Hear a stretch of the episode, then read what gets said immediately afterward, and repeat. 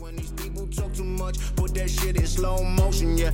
I feel like an astronaut in the ocean. Astronomical, she kinda basic. Hey, what's up? Hej. Hur är läget? Det är bra, Magnus.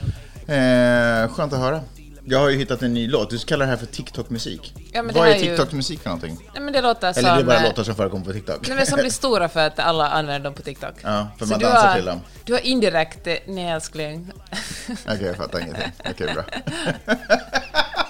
Åh, det så rörande. What you know about rolling down in the deep? When your brain goes numb, you can call that mental freeze. When these people talk too much, put that shit in slow motion. Yeah, I feel like an astronaut in the ocean. Ay, what you know about rolling down in the deep? When your brain goes numb, you can call that mental freeze. When these people talk too much, put that shit in slow motion. Yeah. Du lyssnar på Magnus och Peppes podcast.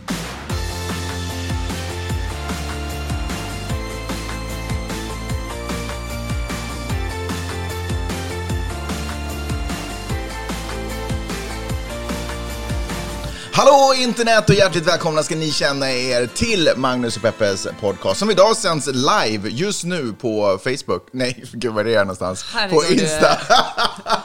alltså jag är så gammal. Tänk att man ska få skämmas för dig de första sekunderna. Du, du, så du menar att jag är TikTok-musik? Ja, ja, intressant. Och välkomna till Facebookgruppen här. Vi diskuterar politik.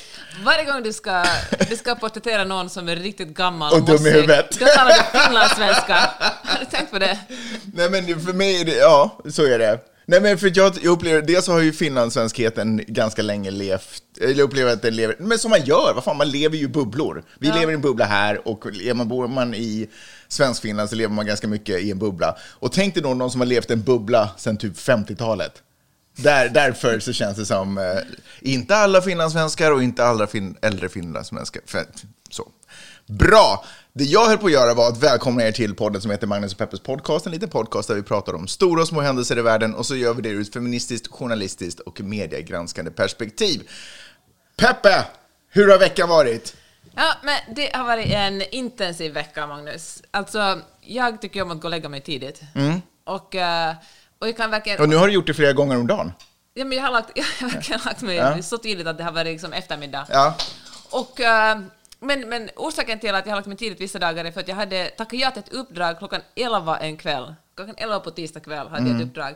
Och jag var liksom stressad inför det här. Mm. Och eh, sur. Och sur, ja, sur på alla liksom. Jag var sur på min blogg, jag var sur när vi hade liksom en annan... Vänta, var du alltså, sur på bloggen gentemot dina läsare Ja. eller var du sur på att blogg existerar? Nej, jag var sur på mina läsare. Så fort någon kommenterade någonting som kunde vara lite så här, eh, ja men som inte var bara snällt, Ja. eller inte bara trevligt, då gick jag tillbaka som en hög. Vanligtvis brukar jag känna så här att kill them with kindness. Men du, Peppe, är inte det där sjukt omoget? Borde vi inte komma längre i vår civilisation att vi kan identifiera att vi är frustrerade och oroliga och stressade för någonting och inte ta ut det på massa andra saker? Ja, Magnus, till och med jag är bara människa.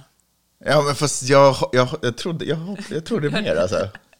Ja, men åtminstone erkänner jag det här. Alltså, jag kunde identifiera det här till slut. Orsaken till Mm. Att jag var så... alltså du vet, när, alltså när det var över? När det var över. Ja, ja, det var därför jag var... Det var därför jag var lite frustrerad här nyss. Ja, men jag var verkligen...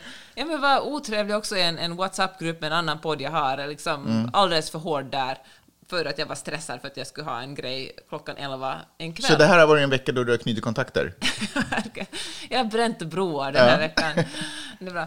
Men, eh, men det gick bra. Det, det var, jag ska moderera ett samtal som handlar om Black Lives Matter och hur stora multinationella företag kan, eh, eller har hanterat det under det året som gått. Hur de har liksom varit mer inkluderande och sett att strukturell rasism är ett jättestort problem, i, eh, inte bara i USA utan också i Europa och Norden. Och det var ju superkul. Vi hade Coca-Cola med som berättade vilken strategi de har haft. Förlåt, för, för, ursäkta att jag avbryter, men du är så exalterad så att min eh, iWatch klagar på att det är hög ljudnivå här runt omkring mig. Jag försöker skapa lite bra energi här. Okej, fortsätt. Okej. Och eh, ja, men det var jätteintressant. Eh, Coca-Cola sa att de eh, har varit väldigt eh, noga med att inkludera folk. De, var liksom, de började med att göra så här town hall, town hall meetings, alltså, där man bjöd in folk som jobbar på kontoret och pratade om hur de känner sig och liksom försökte lyssna på folk som var svarta. Och de kom fram till att även när de kämpar med att lyfta fram andra än vita personer så blev det ändå så att de lyfte fram svarta män. Så svarta kvinnor blev den grupp som var mest diskriminerade av alla. Just det. Visst är det intressant? Verkligen Inte särskilt intressant. överraskande. Sen sa de också en sån här sak att eftersom eh, Eftersom Coca-Cola har huvudkontoret i Atlanta, Georgia, Mm. och Georgia verkligen har varit en av de delstater som har varit mest på tapeten de senaste åren. Georgia gick från att vara en traditionellt republikansk delstat till att rösta på Joe Biden, bli en demokratisk. Och det var också i Georgia som många av de här, eh, jag vet, många polis, alltså mycket av polisens övervåld skedde. Så säger Coca-Cola att de liksom har haft en, en ganska stor grundläggande medvetenhet om, eh, om uh, hudfärgsfrågor. Står en katt framför vår... eh, nej, Ja, och- nej, nej, nu drar han ner den. Om ni ser en katt så är det, är det vår, så att var inte oroliga. Ehm, men spännande, men hur kommer det sig att du, du är, är... Det var frukost i, eh, i Sverige. Just det var det. ett frukostseminarium i Sverige medan det var ett nattseminarium här i Los Angeles. kvällsseminarium får man kanske ändå säga. Ursäkta, 11 på kvällen är faktiskt natt. Okej. Ehm, men det var en annan grej som jag också tänkte på där. Du sa alltså det här var Coca-Cola som gjorde det här. Hur kändes det att, alltså det är ett stort, gigantiskt företag, kanske världens mest kända varumärke. Hur var, hur var, var det speciellt? Nej, men det var ju roligt att höra. Var du nervös? Var du extra nervös på grund av att det var just dem? Eller kände du också att, var, vänta nu, hade, hade du någon, oh, gud så många frågor, svara på den första först. Jag är alltid lite nervös, eller mycket nervös innan för sånt här. Varje gång man ska göra någonting live inför publik är jag alltid ganska nervös. Ja. Och, vet du, och jag är alltid ganska dålig de två första minuterna. Men sen, eh, Det har vi ju märkt i podden också. nu säger jag det bara Magnus, sen blir jag faktiskt jätte, jättebra. Oj, Att sen bara... ni vet var ni hörde det först. Sen, men jag, jag, jag, måste, jag tänker säga det nu, jag var jättebra på att Ja. moderera det samtalet. Ja, nu, Ja. nu är det faktiskt två gånger. Men om ingen annan säger det, Så, eh, så, så ska alla då veta måste det. jag lyfta fram det. Ja. Ja. Okej. Eh, har du någon, för du har ju också en tendens att eh, ifrågasätta multinationella företag som dominerar marknaden. Mm. För att det är svårt att dominera marknaden utan att kliva på massvis Mm. med människor. Coca-Cola måste ju vara ett av dem. Mm. Var det konstigt att göra Coca-Cola den här tjänsten? Att lyfta fram dem. Alltså, nej, men att också lära dem saker. Förstår du vad jag menar? Du höll ju ett föredrag för dem. Nej, men jag, höll, det var ingen, nej, jag var moderator. Så jag, Ja, jag okej, frågorna. fine, okej. Men att ändå bidra till den här... um, Ja, men jag tänker hade att- du, funderade du på det överhuvudtaget? Jag, ja, men jag funderar på hur eh, jag kunde göra det utan att uh, vara så här, men Coca-Cola, ni som är så otroligt bra och duktiga, hur har ni löst det Ja, här? du gjorde inte så? Nej, utan tvärtom försökte ställa frågor som... Vad- Körde du sån här äh, härskarteknik att du ibland kallar dem för Pepsi?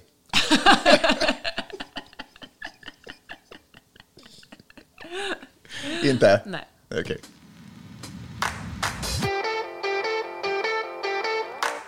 Okej, så du har haft en stressig vecka, allting eh, känns bättre nu, du har stora föredraget över, nu är saker och ting på banan. Ska vi prata om någonting den här veckan? Ja, Som har med världen att göra? gärna. Vill du börja med abort, eller? Ja, för jag har också pra- pratat om abort i uh, nyhetspodden på Svenska Yle. Och eh, då tänkte jag, då kan jag väl dra det här också Får jag fråga, för det, vänta, ursäkta, det var ju samma dag. Ja. Men det tänkte jag... Vad var du mest nervös för? Eller fick, kom en del av frustrationen ut på någon stackarna i nyhetspodden? Nej, eller? nej, där kunde jag hålla mig professionell ändå. Ja. Nej, alltså det var på samma dag, för jag tyckte att jag var jättesmart. Då tänkte jag, eftersom jag ändå ska hålla mig vaken, ni hade ju gått och lagt er för länge sedan. Ja, men gud, ja, det var ju mitt i bra- natten. ja, precis.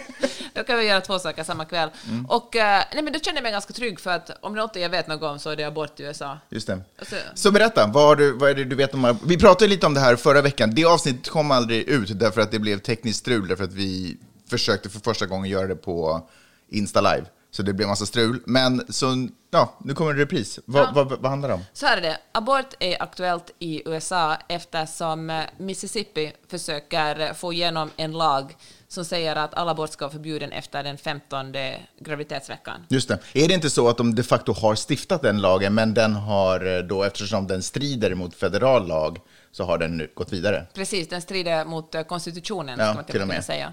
Och det här är ingenting nytt. Alltså, konservativa delstater försöker hela tiden stifta nya lagar. Det finns till exempel en som man kallar hjärtslagslagen, som eh, jag tror bland annat eh, Arkansas har försökt eh, stifta. Och det handlar om att om, man, om det har gått så långt att, man, att det finns ett hjärtljud, man kan hitta ett hjärtljud i det som växer i, i kvinnans mage, då är det för sent att göra abort. Och det här är så tidigt att de flesta kvinnor, det kan vara vecka sex eller vecka åtta, och det är så tidigt så många människor, må- många människor vet inte ens att de är gravida vid den här tidpunkten.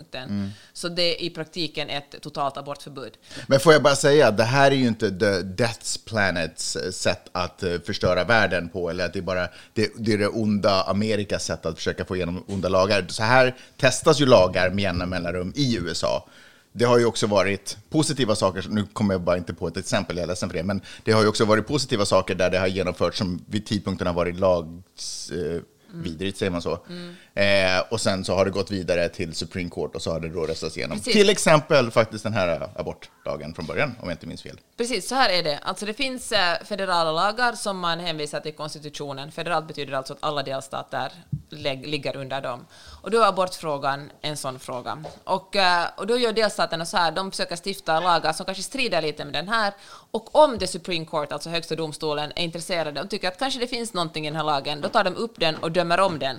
Och om det nu går så här att eh, högsta domstolen, som just nu består av eh, sex stycken konservativa domare. Mm, alltså bara en två valdes av Trump, om jag minns. Tre faktiskt. Tre, ja. Och eh, om det går så att den kommer upp och man vet, liksom, domare är domare, man vet såklart inte hur de kommer att rösta, men om det är så, vilket det verkar vara, att de röstar för en strängare abortlagstiftning, Mm. då kommer en lag från 1973 som kallas Roe vs. Wade, som många kanske har hört talas om, då kommer den att upphävas. Mm. Och då, är det, då liksom gäller inte längre. Och det var i princip lagen som gjorde, eller det målet, det caset som gjorde, att det eh, som gjorde det möjligt för den dagen som då är idag. Precis, för innan, 170 innan 1973 då var det förbjudet i vissa delstater att göra abort. Och då var det en kvinna från Texas som ville göra abort.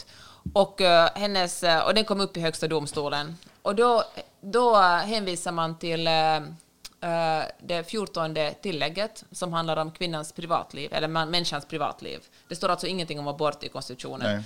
Men då kunde man hänvisa till privatliv och, att, och komma fram till att människan har rätt att bestämma över sin egen kropp, inklusive abort. Och, eh, och då blev det, och då visade man att eftersom det här gick igenom, då, har också, då är abort tillåtet i USA. Då, får- då, är det, då kan man inte förbjuda abort i USA. Men nu, det som ligger uppe just nu är att om Mississippis eh, förslag på lag att eh, kvinnan inte, alltså man inte får göra abort efter, efter eh, graviditetsvecka 15, då, kommer liksom, då slängs alla lagar upp i luften och, eh, och det betyder att, att vissa delstater har rätt att eh, helt förbjuda abort. Förstår du? Hänger du med Jag hänger absolut med. Det jag undrar, det som jag är nyfiken på är vilket tillägg man åberopar. I det här För, nya? ja, för, för man kan inte, för den måste ju ändå vara ganska klar att man har rätt till sitt eget privatliv. Men börjar man åberopa då att embryot har ett privatliv och rätt till det? Det finns faktiskt, alltså om det går riktigt långt, för grejen är så här att då vissa liberala Förlåt om jag använder fel terminologi där, men i alla fall. Vissa liberala, eller alltså demokratiska delstater, som till exempel Kalifornien, de säger att det här kommer ändå inte att beröra oss. Alltså oberoende vad, vad det högsta domstolen säger, så kommer abort att vara lagligt här. Och eh, så de, då kan känna folk som är demokrater att okej, det är jobbigt för de som bor i Arkansas, men liksom det här berör inte oss. Men om man går så här långt att man upphäver det här rätten till privatliv, då kanske man kan gå så långt också att man säger att, eh, att okej, det här fostret eller det lilla som växer i ens mage, det är en, en juridisk person. Och om det blir en juridisk person, då betyder det att abort är mord och då kan det bli abortförbud i hela USA. det. här är inte ett supersannolikt scenario, men det finns på bordet, alltså, men det, det kan hända. Just det, så helt plötsligt, livet fortsätter som vanligt. Det här eh, går igenom då till, eh, till kvinnans nackdel och sen så helt plötsligt går livet, och sen så helt plötsligt är det någon som testar lagen och stämmer någon för mord.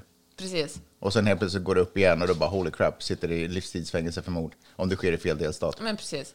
USA, eller Kalifornien har ju de facto dödsstraff också. Ja, fast de har inte utfört det på Sant. väldigt länge.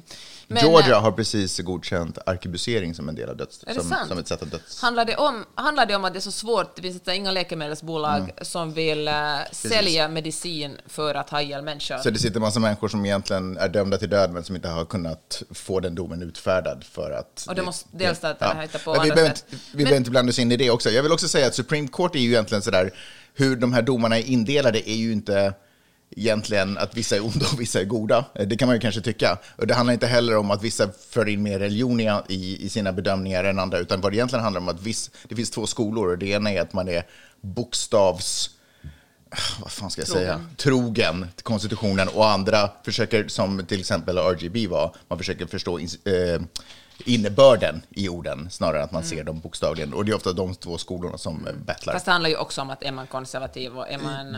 Så är det ju förstås, men jag bara förtydligar.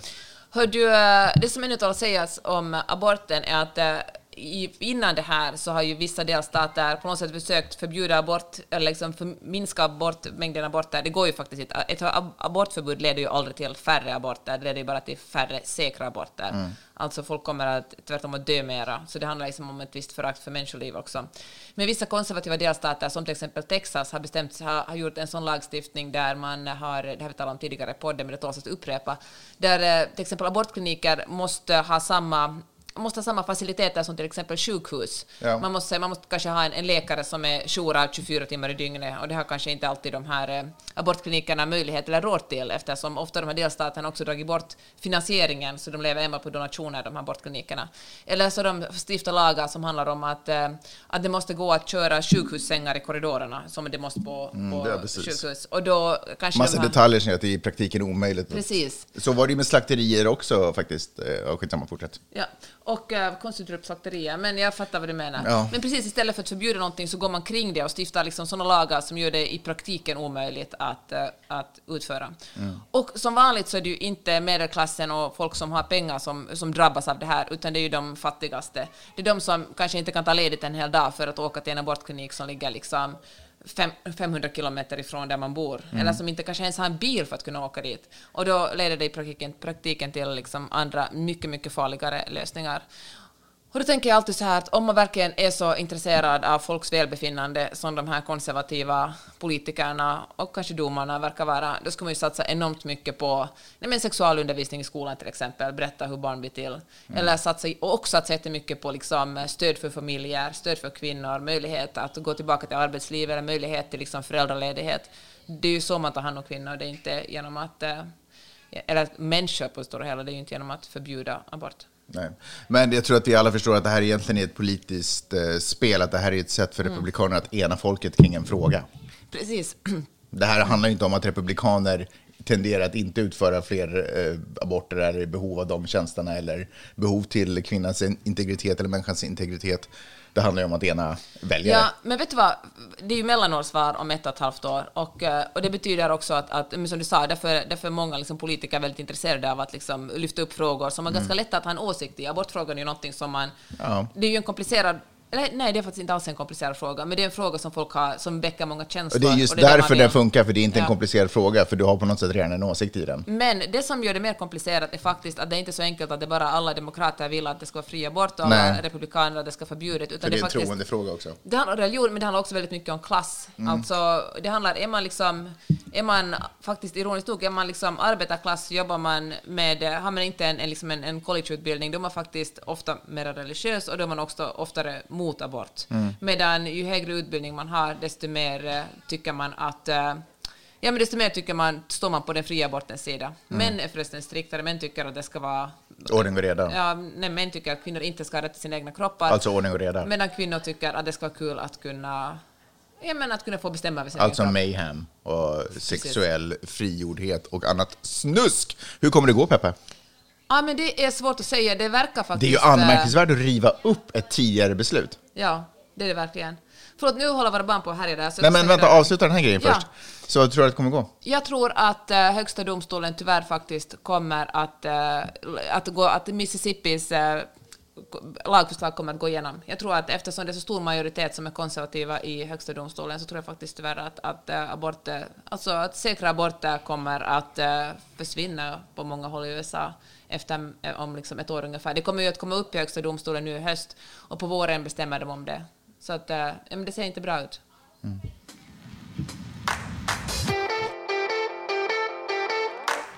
Om vi ändå är på amerikansk politik så tänkte jag bara säga att Republikanerna lyckades blocka försöket att skapa en oberoende kommission, är det det svenska ordet?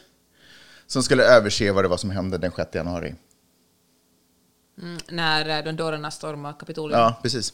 Spontana reaktioner på det? Ja, det var väl inte helt uh, oväntat. Men, ah, och en majoritet ville ju faktiskt att det skulle sättas ihop. Det fanns flera republikaner som ville att man skulle sätta ihop en sån här oberoende Mm. kommission. Sex stycken. Men uh, eftersom det krävdes 60 procent för att gå igenom så, så blev det inte så. Vi har ju berättat det förut i den här podden, men amerikanska lagsystemet är ju, eller ja, systemet är ju sjukt korrupt och underligt. Det är nämligen så att det krävs, det räcker med majoritet i senaten för att ett eh, förslag ska röstas igenom. Pre- Som till exempel här, ska vi sätta ihop en oberoende konstitution, eller kommission som kollar vad som hände under stormningen, eh, då räcker det med majoritet. Men det här beslutet måste alltid föregås av en debatt, eh, av en diskussion. Och problemet är att man måste rösta också för att den här, den här diskussionen är avslutad. Och för den röstningen krävs det 60% majoritet. Eh, vilket har infört begreppet filibuster. Det betyder att man kan prata sönder debatten så att man aldrig kommer till en omröstning om att, eh, den ska av, att debatten ska avslutas.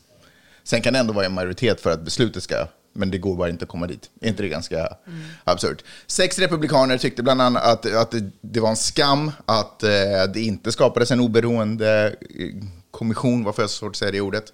Eh, bland annat Alaskas eh, representant, hon tyckte att det var pinsamt och genant och otroligt jobbigt. Eh, republikanernas ledare, vad heter han? Mitch McConnell. Mitch McConnell. Han röstade ju mot att det skulle skapas en sån här eh, kommission. Helt enkelt av anledningen att det här är ju bara ett politiskt spel. Det, har ju, det är inte så att det inte har diskuterats vad som hände.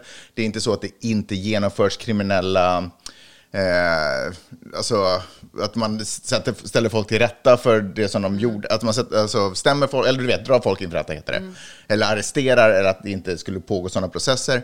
Så det här skulle bara, oberoende, han tänker så här, oberoende, schmoberoende. Det handlar bara om att igen dra det här byket inför eh, allmänhetens eh, Han vill tona ner det. Han tycker att... han vill tona ner det som alla andra republikaner och helt ärligt, jag hör det.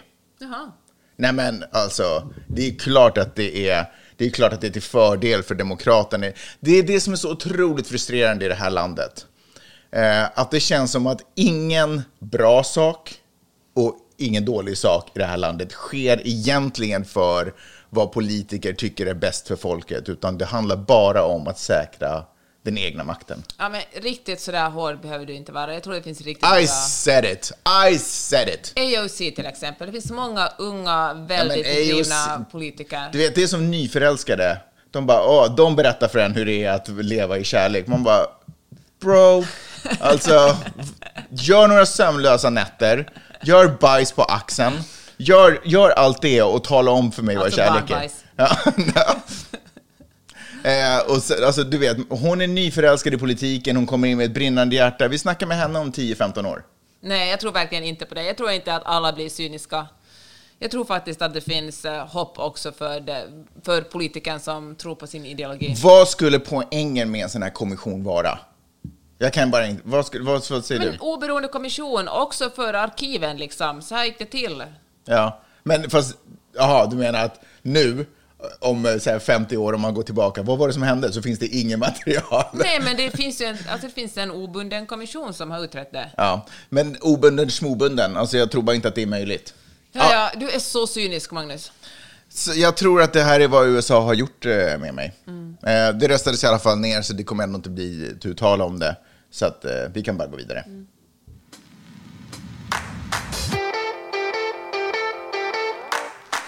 Varje fredag så gör jag någonting som heter Fredagslänkar, som är en lista på det bästa jag har läst i veckan. Och eh, det finns att prenumerera på. Det är ett här- nyhetsbrev. Det är ett nyhetsbrev. Det Varför, varför är vi sponsrade av det här nyhetsbrevet, eller varför pratar vi om det? Nej, men det kan, man kan prenumerera på det och betala 5 dollar i månaden. peppe.substack.com. Strunt samma, jag skulle egentligen inte... Strunt samma! Det inte strunt samma att prenumerera på det. Nej, men jag ska faktiskt tala om en av texterna som eh, finns där den här veckan, som handlar om eh, en hund i bakgrunden. ja, verkligen. Ja. En av de här texterna i veckans nyhetsbrev handlar om ett av clubhousen i Los Angeles. Och nu menar jag inte appen Clubhouse, jag menar de här husen superlyxiga husen som... Hur går det förresten för Clubhouse? Som, produk- tack för vad har det med saken att göra? Okej, förlåt. Du, måste, du, måste, du verkar en sån man. Du måste verkligen avbryta med vad som... Du plockar upp ett Ja, ord och ja, bara ja, slänger fortsätt. in det för att få Fortsätt. prata och höra din egen röst. Fortsätt. Förbered dig lite mer inför den här podden istället för att förstöra mina... Okej.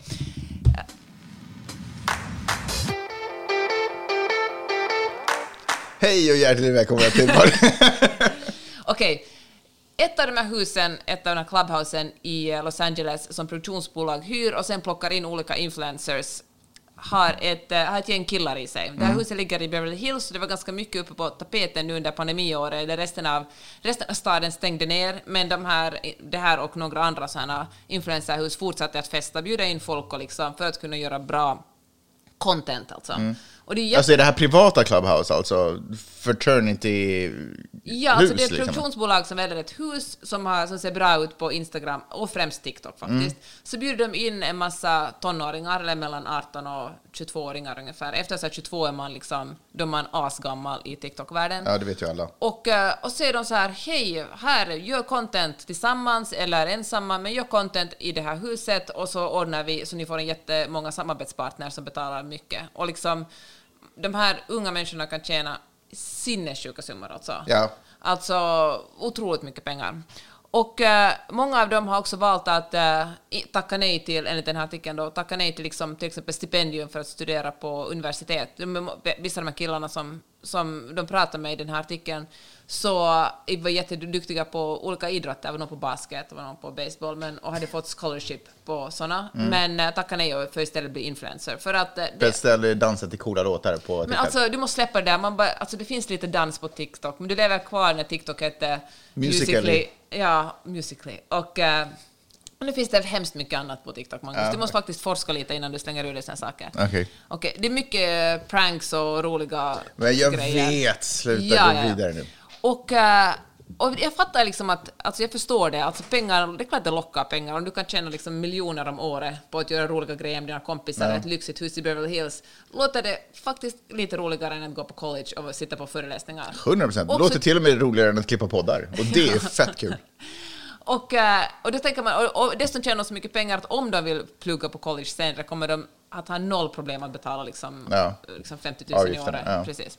Men det var en sak som eh, den här journalisten som skrev den här artikeln levde med de här killarna i, under en, en period förra hösten, Mm. alltså fick komma in i huset och och, eh, och satt vid middagsbordet med dem och pratade. Och eh, så, att, så var det en grej som jag tänkte på, för då sa en av de här killarna så här att eh, han tycker att det är så fantastiskt med TikTok, för då kommer sanningen fram, då kommer liksom alla medborgares åsikt, alla har en plattform. Alltså han sa det som Facebook kanske börjar med, det här, ideolo, det här liksom idealistiska tanken kring sociala medier, alltså när nu Facebook kom för knappt 20 år sedan och sa att nu får liksom, nu får, kommer all, det här är demokrati, allas röst kommer att höras, alla kommer att få en plattform. Så gick det ju inte exakt så, utan snarare tvärtom. Ja. Men, eh, men då sa den här unga 19-åriga killen det, att han tycker att det är så fint, nu kan inte liksom myndigheterna längre kontrollera det som sägs, utan nu kommer, nu liksom, nu, nu har liksom den lilla Ordet är fritt och personen makt. har alla röst. Ja. Och eh, det kan man ju fnysa åt så här när man sitter i en soffa i Santa Monica och är journalist, att herregud vad lite du vet om världen. Mm. Men det på något sätt resonerar, eh, det resonerar inte med mig, jag, fick en, liksom, jag förstod honom lite, hur Mm. han tänkte. Han tänker ju fel liksom. Det visar ju sig att sociala medier sprider ju tvärtom konspirationsteorier och, och liksom... Också. Ja, men grejen är den att det är liksom inte balanserat. Alltså det att sociala medier, och TikTok, Facebook, eh, Twitter, vad som helst, att, de, att det också finns nyhetsmedier där, seriösa nyhetsmedier som delar sina, liksom sina faktagranskade och liksom opartiska reportage balanserar inte ut konspirationsteorierna och osanningarna där. Det är inte så liksom att, att det blir plus minus noll, utan eh, tvärtom så sprids det jättemycket konspirationsteorier. New York Times skrev häromdagen till exempel att 15 procent av amerikanerna, alltså 31 miljoner amerikaner, tror att det finns någon sanning i Qanon-teorierna om att USA, stöd, liksom, eh, att USA leds av satanistiska pedofiler. 15 procent tror att det finns någon sanning i det. Och det, det kan man ju bara ha sociala medier att skylla på. Alltså, utan sociala medier skulle en sån här konspirationsteori inte spridas Nej. till så många. Och, eh, Och när den här, men ah, liksom den här personen i, den här, eh, i det här reportaget sa det, den unga mannen sa det, alltså jag förstår honom, jag förstår att han tänker så. Han jobbar med TikTok, han liksom får all sin information om TikTok. För, alltså Qanon finns ju typ inte ens längre. Själva rörelsen. Ja. Nej, alltså nu finns ju bara så att säga följare. Det finns ju ingen Nej. mer information, alltså det finns ju ingen mer. Det kommer aldrig ut något. Nej, det kommer inte- Men så här är det väl, liksom. det är någonting som, som fortsätter leva i sig själv. Ja. Alltså, Alltså, menar, det är inte ens en finns ju- konspiration, det är ju bara en klubb för sinnessvaga. Ja, men det finns ju också nynazister trots att Ja, Hitler en inte annan längre klubb för sinnessvaga. Ja, men jag menar det, alltså, att när, när en rörelse blir tillräckligt stor så krävs det ingen ledare längre, utan då bara liksom matar den sig själv så att Mm. Ja. säga. Och eh, det är ju... Och och jag tänker också att just när det kommer till sådana konspirationsteorier så är det väldigt svårt när man har gett sig in i dem. Det finns ju väldigt många reportage i USA om hur familjer har eh, splittrats på grund av att det är så, man går så hårt in i att tro på en viss sak att det på något sätt är, det är värt, att det är för tungt och för jobbigt att, att liksom förstå att det som jag tror på inte är sanning. För det är liksom hela ens världsbild rämnar, då är det liksom lättare att hålla sig kvar i den. Vet du, fan, så jäkla intressant eh, avsnitt på, eh, eh, vad heter det, Daily, New York Times, eh, alltså The Daily. Eh, där de egentligen, senaste avsnittet, eller senaste som jag lyssnade på, egentligen var första avsnittet i en annan, alltså de promotade en annan. Eh, skitsamma vad den Day handlade om. Men var det i princip, eh, vad sa du? Day X Ja, exakt. Precis, för det är nämligen namnet på den här rörelsens Armageddon.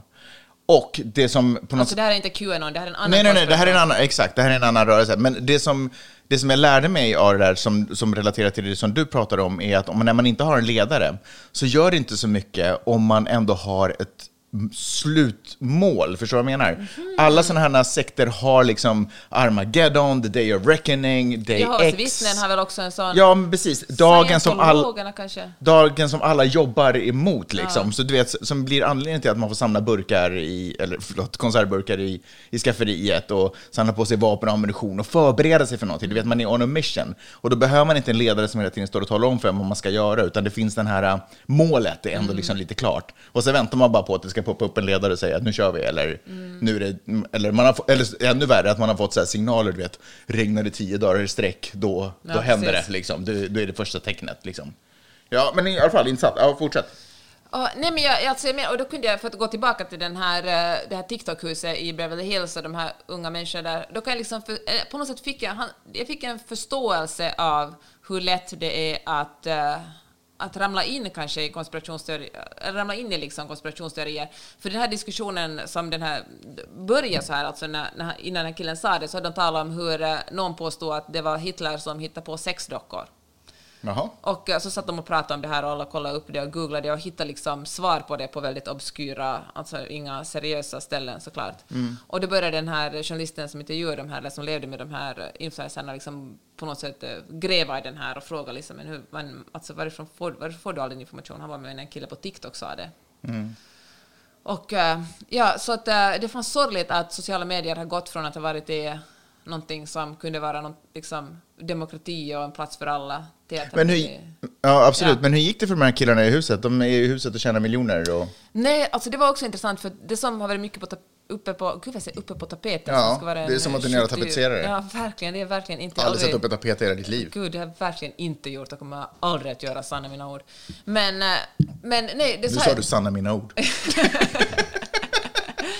så här gick det. Alltså den här texten handlar också om, om eh, psykisk ohälsa. För i USA så har Facebook blivit eh, konfronterad med att det kommer flera undersökningar som visar att när, när unga människor är på, mycket på sociala medier så leder det till psykisk ohälsa. Unga mår mycket sämre idag än för 20 år sedan eller för eh, 30 år sedan. Mm. Och eh, då ser man en koppling, du har många, det, men det, är många, det har många visat en koppling mellan sociala medier och, eh, och psykisk ohälsa. För att, eh, och Mark Zuckerberg säger ju sådär, nej, nej, nej, det finns ingenting, det finns, det finns inga tydliga, han vill ju såklart inte erkänna det här, för det är ju hela hans affärsmodell handlar om att man ska hänga där så mycket som möjligt. Och det handlar ju också om att, att Instagram ville göra en, en version för, alltså indirekt Mark Zuckerberg som äger Instagram, ville göra en version för barn. Och det var då som många så här, psykologer och folk som jobbar med, med ungas psykiska hälsa satte i bromsen för sa att nej, om unga mår så här dåligt kommer barn, liksom, vi kan liksom uppfostra en hel generation av psykisk ohälsa. Det finns ingenting gott med ett Instagram för barn. Hur som helst. Som skulle för övrigt heta Instagram. Och eh, vilket artigt skratt jag gjorde där. en så här, ja. men, eh, men då gjorde den här, den här journalisten som besökte det här eh, influencerhuset pratade också om psykisk hälsa och psykisk ohälsa och det visade sig att väldigt många av de här, män, de här männen och anta, jag antar det gäller för kvinnor också som var som var liksom TikTok-stjärnor mådde väldigt dåligt för det fanns en så här underliggande ångest kring om eh, när det här tar slut. Alltså när du bara säljer dig själv, du säljer liksom du säljer hur mycket folk gillar dig på. Och ju fler folk som gillar dig, desto mer samarbete, desto mer pengar får du. Men när folk slutar gilla dig och går vidare till nästa person, det kommer Mm. någon 17-åring som är lite bättre än du, då är du ute. Och, eh, och den här stressen levde de liksom dagligen med.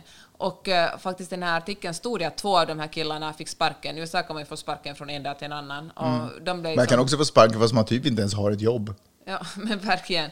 Och, eh, och då, då liksom fick de kicken ur det här huset. Plötsligt var det ingen som sålde samarbeten till dem längre.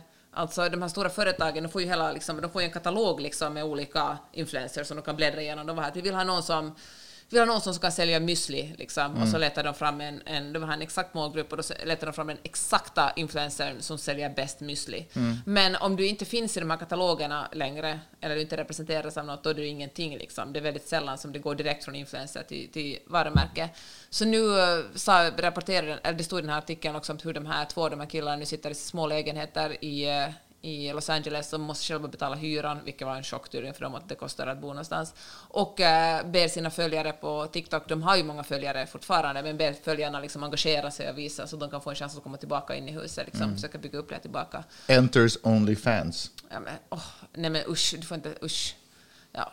Men, eh, ja, fan, alltså det är ju, gud vad deppigt det här blev. Men jag tänker att det är ju härligt att vara älskad, vare sig det är på TikTok eller i, i verkliga livet. Men eh, fan vad deppigt det är att eh, liksom ha en så stor del av sin inkomst och sin liksom sitt nästan existensberättigande, att vara så ung och liksom allt som man, att det man lever på är hur många som främlingar som gillar en på sociala medier. Får jag ändå säga att vara älskad i verkliga livet är mycket större tillfredsställelse.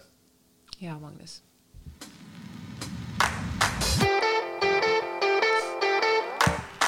Hör du, hörde du om eh, den eh, statsministern i Finland? Ja, just det. Ja, som... Mm, eh, som har en, liksom, inom citationstecken, en Toblerone-affär. ja. Det visar sig nämligen att hon... Sanna hennes- Marin heter hon. Ja, Say her name. say her name eh, för Socialdemokraterna, SDP, SDP, SDP ja. Eh, Det visar sig nämligen att hon har fått eh, frukost. Staten har betalat frukost till henne och hennes familj och nu ska hon, nu ska hon lynchas. Inte lunchas, observera, för att det skulle inte heller vara tillåtet, utan nu ska hon lynchas. Eh, spontana reaktioner? Det var någon som frågade mig om det här på, på... Eller Helen frågade mig det här på Twitter också, vad jag tycker om det. Och eh, alltså jag tycker att det är lite... Du satte ord på det, lite Tobler, det är Mona Sahlins Toblerone-affär, känner Mm. jag. Vad är det, 300 euro i månaden har hon och hennes familj ätit frukost för på skattebetalarnas bekostnad. Precis, och det är ju inte så att hon har tiggt till sig de här pengarna för att hon bara, hur ska vi göra? Vi har inte råd med frukost, staten kan ni hooka upp det här? Och staten bara, absolut det gör vi, vi hemligstämplar det så att ingen kan se det. Utan det är ju sådär, det här verkar ju vara en för, jag ska inte uttala mig om det i och för sig, men det förefaller vara en förmån som statsministrar har med sina familjer. Och sen ska det ju kanske skattas för det som whatever. Det är, alltså, det är ju ändå personen som är chef för regeringen som ansvarar, som har det yttersta ansvaret för att allting fungerar i landet. Om den personen inte kan få frukost för 300, alltså Ja, det är ju inte 300 om dagen ens, det är 300 i månaden. precis, exakt. Ja, men, eh, nej, men jag tycker också det är, det är klart att rätt ska vara rätt, men det här är faktiskt att göra en höna av en fjäder. Ja, eh, Om man vill, om man liksom vill syssla med korruption så kanske det finns andra sätt att, att tjäna storhacka på än att äta gratis frukost. Eh, Jag, jag hittade den här äh, artikeln i, på Aftonbladet och då har ju det faktiskt nog frågats den förra, eller inte förra, men tidigare statsministern Paavo Lipponen. Är han, han verkar vara en ny landsfader nu. Han är ju otroligt älskad i Finland. Han är väl, allt, han är väl varit otroligt hatad också, men du vet när man blir en Men grå är- eminens blir man älskad. Men är han som, han var ändå på 2000-talet, jo men det var han ju för tusan, eh, statsminister. Jo, Ja. men, men blev han den nya Kekkonen? Nej, ingen kan bli den nya Kekkonen. Nej, han är- Men får jag säga en, en rolig sak som jag hörde, som jag också läste på Twitter, nu, nu har jag blivit den som citerar Twitter, om Paavo Lipponen alltså. Ja. Alltså, min kompis eh, Karin skrev det här, att uh, tydligen så var det någon av hennes kompisar som hade träffat Paavo Lipponen i uh, någon, liksom träff, stött på honom och fått sån panik för att han var ändå liksom, alltså han var statsminister, Mm. Ja. han är väldigt lång också. Precis, liksom, stor och karl. Och Han är lite som Rolf Lassgård. Ja, fast, ja, kanske det. Ja, fast inte lika bra på att spela. Och då hade den här personen blivit så nervös så den hade bara sagt ”Mitä kuuluu kukkuluru?” Som alltså är ett väldigt, ett ganska, men så Tjena med bena. ja men precis. Och då hade Paavo Lipponen svarat ”Mitäs tässä ritariässä?” Ja. Som är en annan sån grej. Ja, men det var gulligt faktiskt. Vilket fall som helst så hade man frågat eh, Paavo Lipponens fru, Päivi Lipponen, om det är så att statsministern har rätt till frukost på morgnarna. Och det visade sig att ja, de har åtminstone inte fått någon frukost gratis från staten. Eh, men frågan är, handlar det här om frukost, Peppe? Eller handlar det om att Sanna Marin är kvinna? Ja, men är det inte så? Det, det, faktiskt i den här artikeln, jag, jag tänkte på det för att i den här artikeln så pratar de med eh, eh en eh, någon professor på Åbo universitet som sa att ja, det här påminner eh, väldigt mycket då om eh, Mona Sahlin, och, men det var ju förstås ett mycket större skattebrott, whatever, whatever, whatever, whatever, whatever. Men vad det här handlar om är ju att det är en kvinna som är statsminister, för det här har ju hänt förr i Finland eh, att en kvinnlig statsminister helt plötsligt har hamnat i något blåsväder och sen så måste Eh, sen så måste hon avgå efter ett tag. Nu har det inte varit snack om att hon kanske ska avgå, men, Men som kvinna måste man vara perfekt på alla sätt. Alltså det går inte att eh, vara människa. Men alltså är det någon där ute som inbillar sig att en manlig statsminister inte skulle ha dragit till sig förmåner, eller fått förmåner, man behöver inte ens ha snott dem eller snikat till sig dem, men inte skulle glida runt och haft förmåner. Alltså det är, vad är det här? Liksom, varför, varför lyfter man upp en frukostgrej som en stor nyhet? Att personen inte har förmånsskattat på, på 300 euro. Och jag förstår, det ska vara lika för alla och det är klart, det finns regler. Men då är det väl som med alla andra. Du, Skatteverket säger, du har inte skattat för det här, gör rätt för dig. Precis. Och så skattar man för det. Varför är det här en nationell nyhet liksom? Eller internationell om Sverige skriver om det. Ja, okej. Är, det, är det internationellt då fortfarande? Alltså, Finland är inte längre en del av Sverige.